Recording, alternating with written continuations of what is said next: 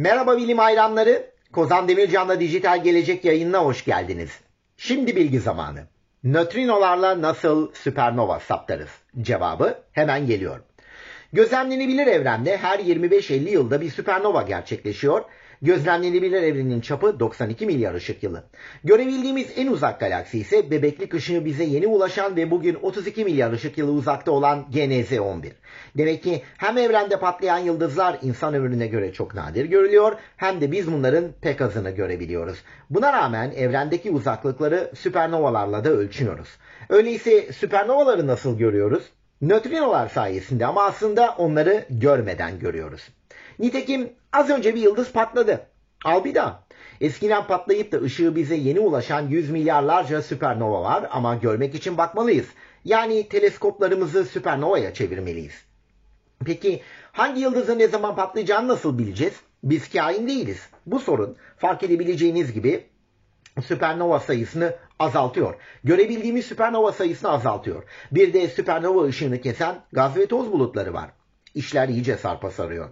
Diyeceksiniz ki hocam süpernova ışığı adı üstünde ışık hızında gider, patlayan koskoca yıldızları nasıl ıskalarız?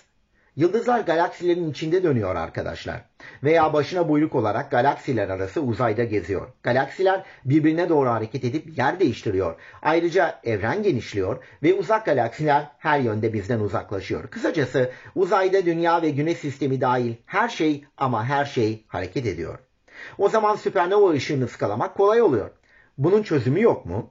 Tabii ki var. Tek yapmanız gereken nötrino parçacıklarını kullanmak. Nötrinolar sayesinde bir yıldızın patlamak üzere olduğunu anlamak ve böylece teleskobu ona çevirmek. Evrenin genişleme hızını ölçecek kadar çok sayıda süpernova gelmenin, görmenin tek yolu bu. Nötrinolar. Peki neden nötrinolar? Çünkü evrende iki ana süpernova türü var. Tip 1 süpernovalarda bir yıldız, tip 1A süpernovalarda ise bir yıldız kalıntısı, ikili veya daha çok yıldız içeren bir yıldız sisteminde yoldaş yıldızdan gaz çeker. Böylece kütlesi artar ve hidrojeni daha hızlı yakar. Nükleer füzyon yakıtı bittiği zaman da süpernova halinde patlar. Yıldız kalıntısının durumunda ise kütlesi arttığı için patlar çökerek. Tip 2 süpernovalarda ise bir yıldız baştan büyük kütlelidir. Güneşten 8 ila 20 kat kütleli yıldızlar ömrünün sonunda genellikle süpernova olarak patlar. Bu da genellikle yıldızın çekirdeğinin çökmesi ve aşırı sıkışarak alev alması ile olur. Bu sırada büyük miktarda enerji üretilir. Hatta nikelden ağır bütün elementler ya süpernova sırasında ya da nadiren nötron yıldızı çarpışmalarında üretilir.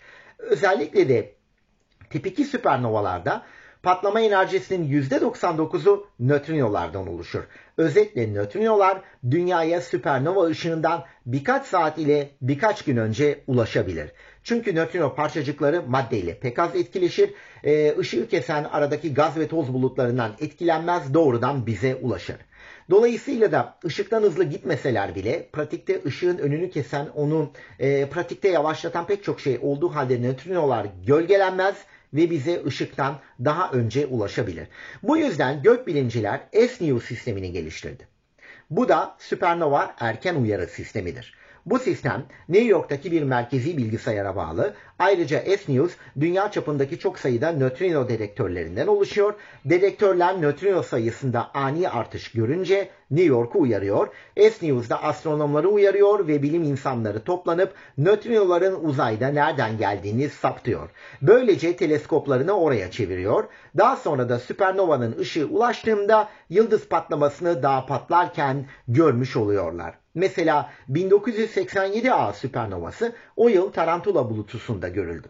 Oysa süpernovanın nötrinoları ışıktan 3 saat önce bize ulaştı.